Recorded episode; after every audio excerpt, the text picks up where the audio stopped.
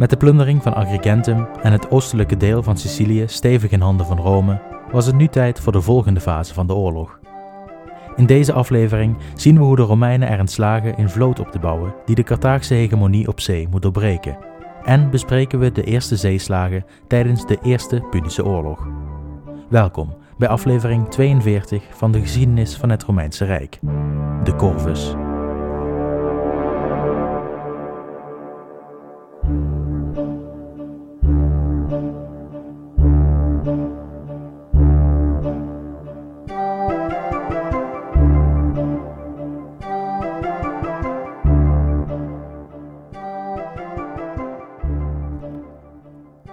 Met Agrigentum geplunderd en veiliggesteld van vijandelijke operaties, is het oosten van het eiland stevig in handen van Rome en haar bondgenoten.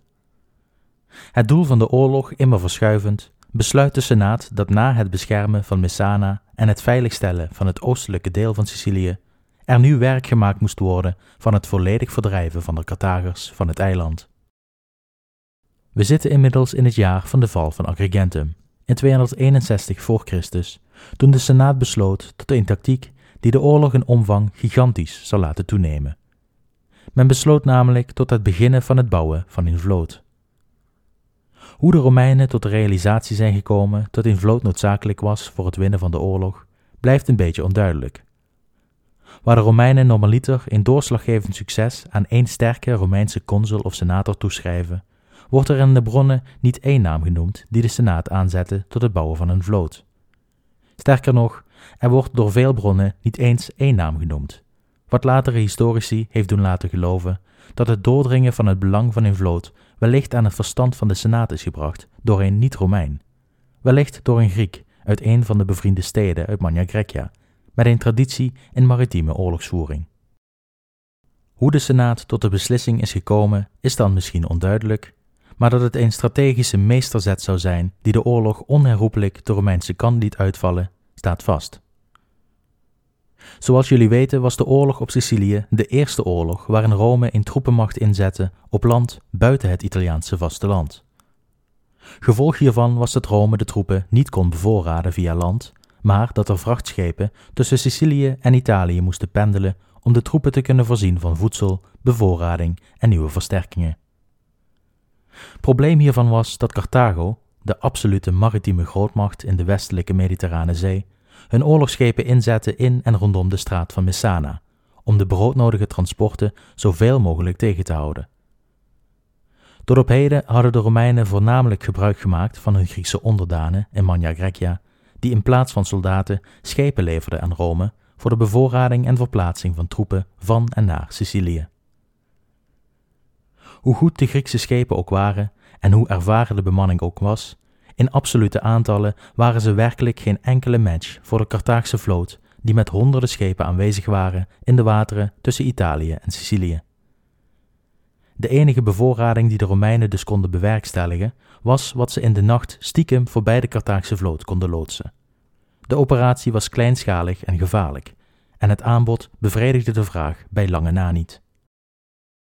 Met een voortzetting van de huidige modus operandi zou de oorlog in Sicilië nog vele decennia duren, daar de Romeinen niet de bevoorrading kregen om maandenlange belegeringen vol te houden en de vijandelijke steden vrijelijk bevoorraad konden worden vanaf zee.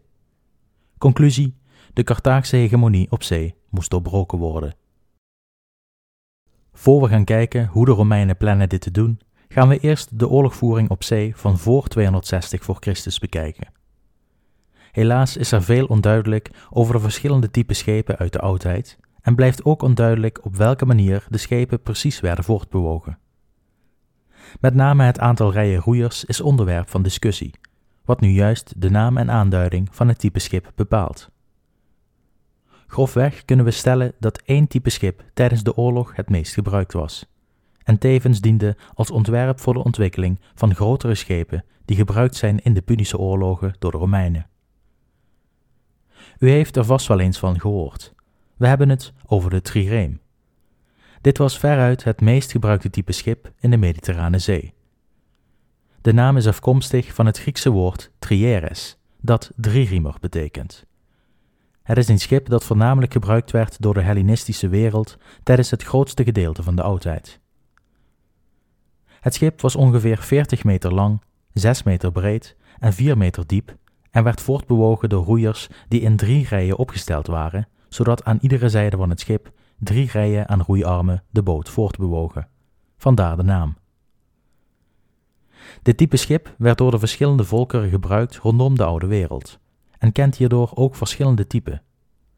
Zo was de Punische variant lichter in gewicht dan de Griekse variant, waardoor deze meer snelheid en meer bewegelijkheid kende dan de Griekse. De trireem maakte gebruik van meestal 200 bemanningsleden, 170 roeiers en 30 mannen op het dek die het schip en de roeiers aanstuurden. Aan de boeg, de voorkant van de trireem, zat een ramsteven bevestigd, een massief blok hout of brons dat fungeerde als ram. Dit was direct het wapen van de trireem en dit ontwerp bepaalde direct de tactiek op zee. Eenmaal verwikkeld in een zeeslag was het doel van de trireem om het vijandelijke schip te rammen via de zijkanten, om een gat te slaan in de romp en hopelijk de vijand te laten zinken of deze onbestuurbaar te maken. Dit maakte dat de bemanningsleden zeer kundige roeiers moesten zijn die goed samenwerkten en binnen enkele seconden konden reageren op orders vanaf het dek. Doordat men de vijand moest rammen, moesten ze ervoor zorgen dat ze sneller en beter manoeuvreerden dan de ander om aan de zijkant terecht te komen. Daarbij was ook nog eens de hoek waarin de vijand geramd werd van belang.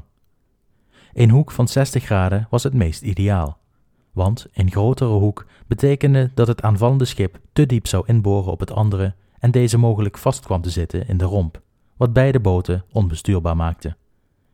Een kleinere hoek zou betekenen dat de kracht van de klap niet voldoende was om de romp te doorboren en dat deze afketste met vervolgens een crash van beide zijkanten tegen elkaar als gevolg. Ervaren roeiers, manoeuvreerbare schepen en goede coördinatie was dus van levensbelang. Iets waar de Grieken en Carthagers al jarenlang bekend mee waren en wat van hen zo'n goede zeevaarders maakte. Alexander de Grote was de eerste grote generaal die enigszins afstapte van de tactiek van rammen, door het ontwikkelen van een ander type schip, de bireem.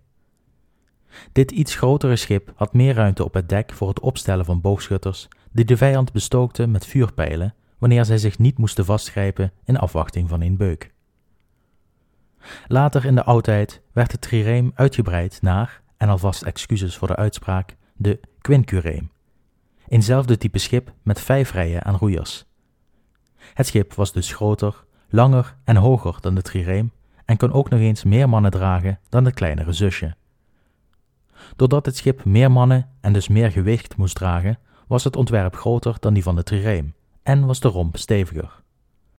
Nadeel van dit schip was echter dat deze hierdoor ook minder manoeuvreerbaar was en niet de snelheid kon halen van de trireem.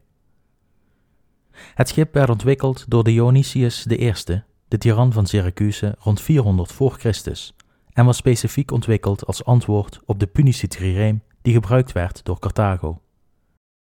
Dit schip wordt het favoriete type schip van de Romeinen, omdat dit grotere schip meer gewicht kon dragen dan de trireem en dus meer soldaten kon dragen, en omdat men op het dek een raar en niet eerder gezien apparaat kon monteren. Hierover zometeen meer. Ik wil verder niet al te diep ingaan op de verschillende typen schepen. Er zijn namelijk nog een stuk of tien typen die genoemd worden in de bronnen en waarvan sommige wrakken nooit gevonden zijn. Als u toch meer wilt weten, verzoek ik u de website te bekijken. Hier zal ik een link naar de verschillende typen schepen plaatsen. We gaan terug naar Rome. In 261 voor Christus werd er vol ingezet op het bouwen van een vloot. Het is niet zo dat Rome nog nooit eerder aan scheepsbouw gedaan had. Zoals jullie weten beschikten de Romeinen al eerder over boten. Denk maar eens aan het incident in de golf van Tarentum. Wat echter het grote verschil is met toen en nu, is dat de boten van toen hoogstwaarschijnlijk bestuurd werden door kundige Griekse onderdanen uit steden met een maritieme traditie. Nu wilde Rome echter een vloot maken van meer dan 100 schepen, en daarvoor moesten meer dan 15.000 roeiers verzameld worden. Een aantal dat niet geleverd kon worden door de Grieken alleen. Rome moest dus haar eigen bevolking trainen in de kunsten van het roeien.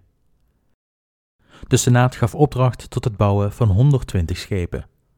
100 schepen van het grotere type, de quinquereem, en 20 kleinere schepen van het type trireem, Het meest wonderbaarlijke vind ik zelf nog dat Rome in 261 voor Christus pas begon met de bouw van 120 schepen en dat deze schepen in 260 voor Christus, één jaar later, al in gevecht waren met de Carthaagse vloot.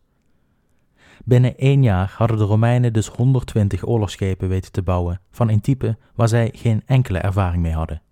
Hoe kan dit? Polybius schrijft dat tijdens de eerste poging van Gaius Claudius om de straat van Messana over te steken om de Mamertijnen te contacteren, tijdens het begin van het conflict, hij halverwege moest terugkeren door een interventie van de Carthaagse marine. Er zou een kort gevecht hebben plaatsgevonden op zee, waarbij beide kanten elkaar kort aanvielen.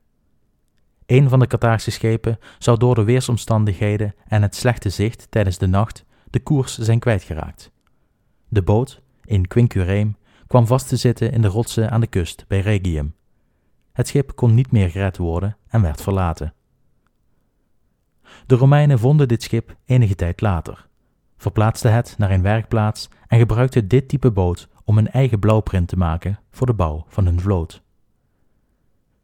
De Romeinen gingen zeer ingenieus te werk. Op Romeinse wrakken die later door archeologen zijn gevonden, zijn duidelijk markeringen te zien op de verschillende onderdelen van het schip, die met elkaar corresponderen en lijken aan te geven waar welke balk geplaatst moest worden, wat de boven- en onderkant was en waar de bevestigingen aangebracht moesten worden, etc. Dit bleek het geval op meerdere Romeinse schepen te zijn, wat hen heeft doen concluderen dat Rome tijdens de bouw van een vloot gebruik maakte van een soort massaproductie. Waarschijnlijk duizenden ambachtslieden die zich richtten op het produceren van ieder een ander deel van het schip en deze markeerden, zodat de scheepsbouwers de verschillende onderdelen als een soort IKEA-bouwpakket in elkaar konden zetten. Het toont aan dat Rome nog ver voor de industriële revolutie een vorm van massaproductie had ontwikkeld, en het zou kunnen verklaren hoe Rome in slechts één jaar een volledige vloot uit de grond kon stampen. Op de stranden van de scheepswerven werden duizenden roeiers op bankjes gezet die de indeling van de schepen nabootsten, om het roeien te kunnen trainen. Deze roeiers waren hoogstwaarschijnlijk voor een klein deel afkomstig van de Griekse steden, maar het overgrote deel kwam uit Rome zelf en behoorde tot de groep burgers die onvoldoende bezittingen hadden om te dienen in het leger, ook wel de proletari geheten. Het hele jaar door werd er gebouwd en getraind door de Romeinen. De schaal van de operatie toont aan dat Rome de bouw direct aanstuurde en overzag, met waarschijnlijk hulp van de Griekse onderdanen. Waar de schepen gebouwd zijn, is niet helemaal bekend, al lijkt het aannemelijk dat dit is gebeurd in Ostia, de havenstad aan de kust nabij Rome, waar grote hoeveelheden hout en mannen gemakkelijk verzameld konden worden. In 260 voor Christus was de vloot klaar. De Romeinse vloot bestond uit 120 schepen met getrainde roeiers en ervaren Griekse zeevaarders. Een knap staaltje Romeinse organisatie die heel graag de krachtmeting met de Carthagers aan wilde gaan. De consuls van dit jaar waren Gaius Cornelius Scipio en Gaius Dulius. Scipio kreeg het bevel over de nieuwe vloot en Dulius over het landleger in Sicilië. Scipio voer direct met zijn armada richting Messana, waar de eerste kans om de Romeinse vloot te laten gelden zich al snel voordeed. Toen Scipio aanlegde in de haven van Messana, ontving hij bericht dat een nabijgelegen strategische marinebasis van de Carthagers zich wilde overgeven aan de Romeinen. Er was een verrader onder de vijandelijke rangen die de Romeinen maar wat graag wilde helpen bij de overname van de basis. Het ging om een militaire haven op de Lipari-eilanden, een eilandengroep ten noorden van de kust bij Messana. De eilandengroep werd door de Carthagers gebruikt als uitvalsbasis voor de rooftochten langs de kusten van het Italiaanse schiereiland. Scipio zag zijn kans om zijn naam te vereeuwigen door de eerste Romein te zijn die een overwinning zou behalen op zee. Hij vertrok direct met een tiental schepen om de onbezette haven van Carthago over te nemen. Hij kwam aan bij de Lipari-eilanden en parkeerde zijn boten in de haven. Eenmaal aan land leek alles koek en ei en de Romeinse vlag kon gehesen worden. Toen ineens tientallen Carthaagse schepen rond Lipari opdoken. Het was een val. Nog voor Scipio zijn boten uit de haven kon varen, werd de haven afgesloten door de Carthagers. In ontsnapping zat er niet in. De Romeinen wisten direct dat ze vastzaten op het eiland en de bemanningsleden vluchtten weg van de haven naar het binnenland van de eilanden, in de hoop de Carthaagse gevangenschap te ontlopen. De Romeinse schepen werden in beslag genomen door Carthago of vernietigd, en Scipio werd gevangen genomen. De eerste nederlaag op zee was hiermee in feit.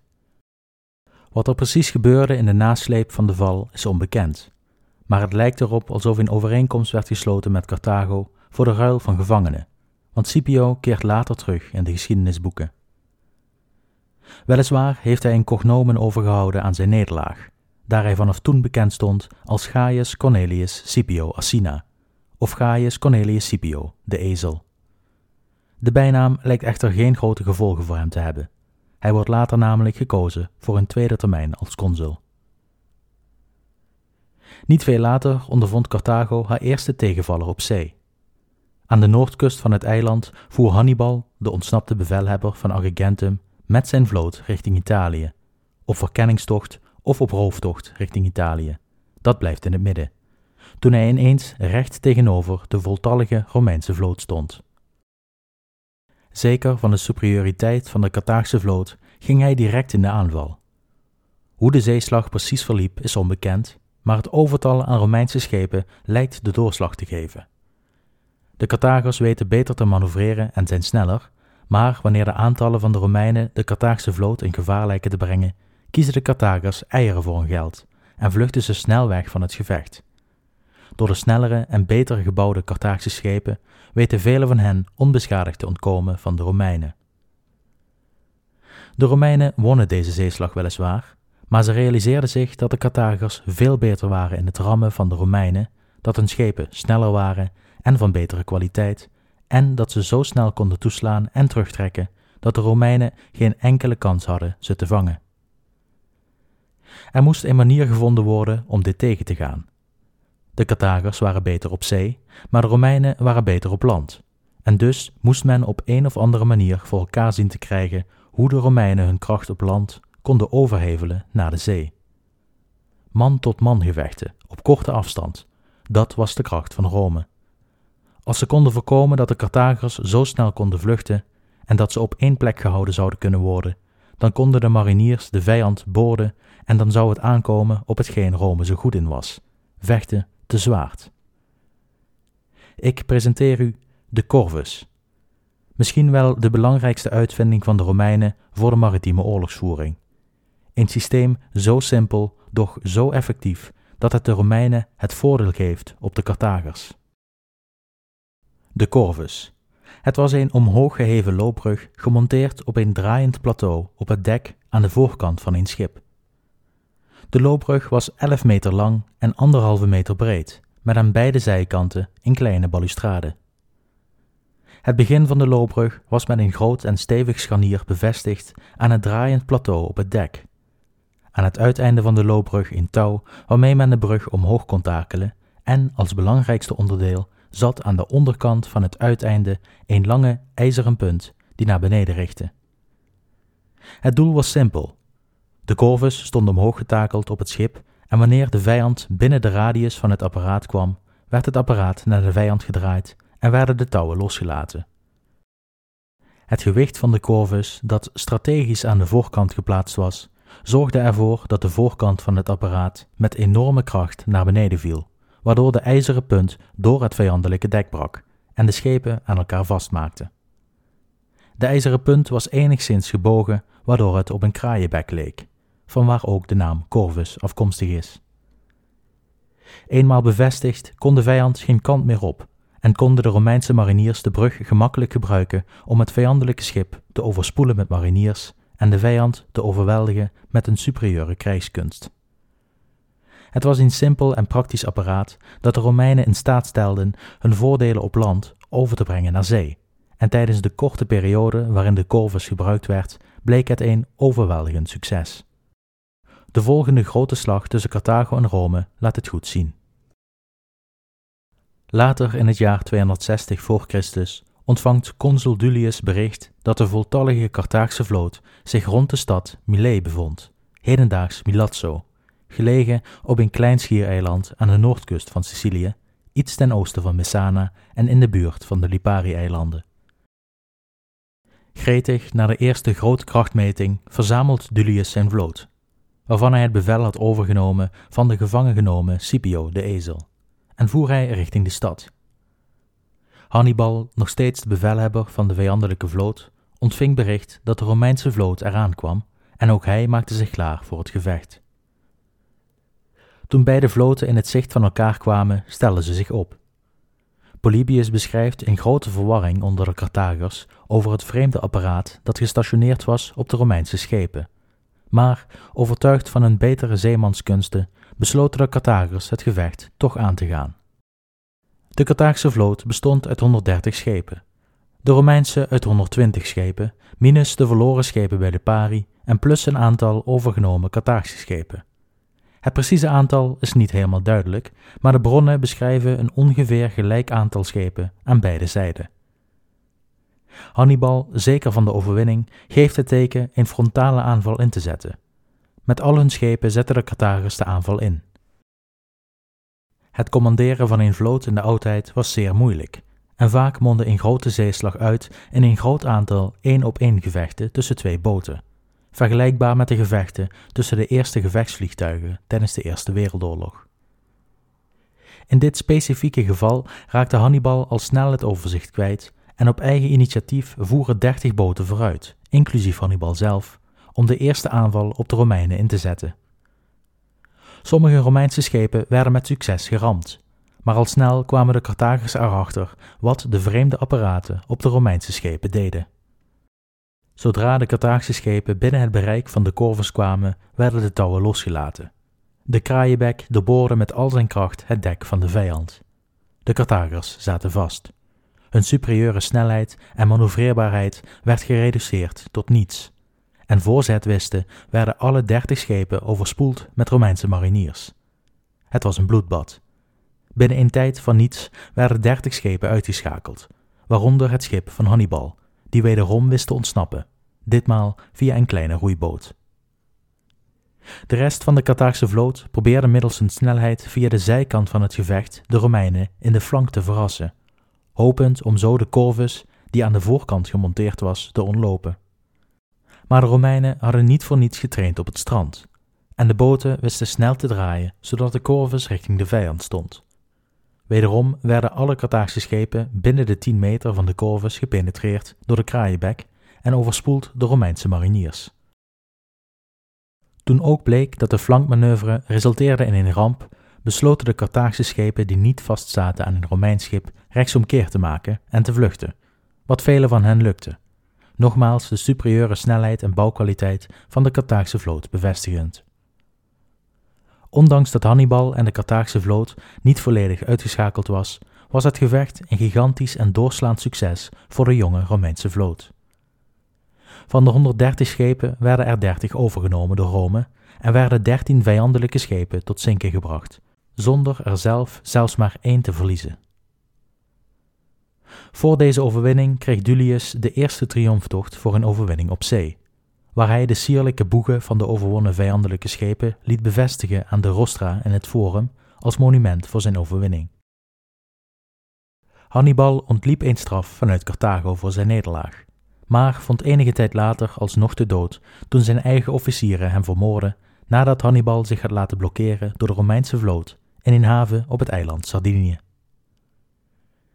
De nederlaag was een zware klap voor de Carthagers, die in de komende jaren grote zeeslagen met de Romeinen ontlopen in een zoektocht naar een oplossing voor de Corvus. De Romeinse vloot doet in deze jaren niet veel anders dan het versterken en begeleiden van het landleger en zorgen voor de bescherming van de bevoorradingsroutes van en naar Sicilië.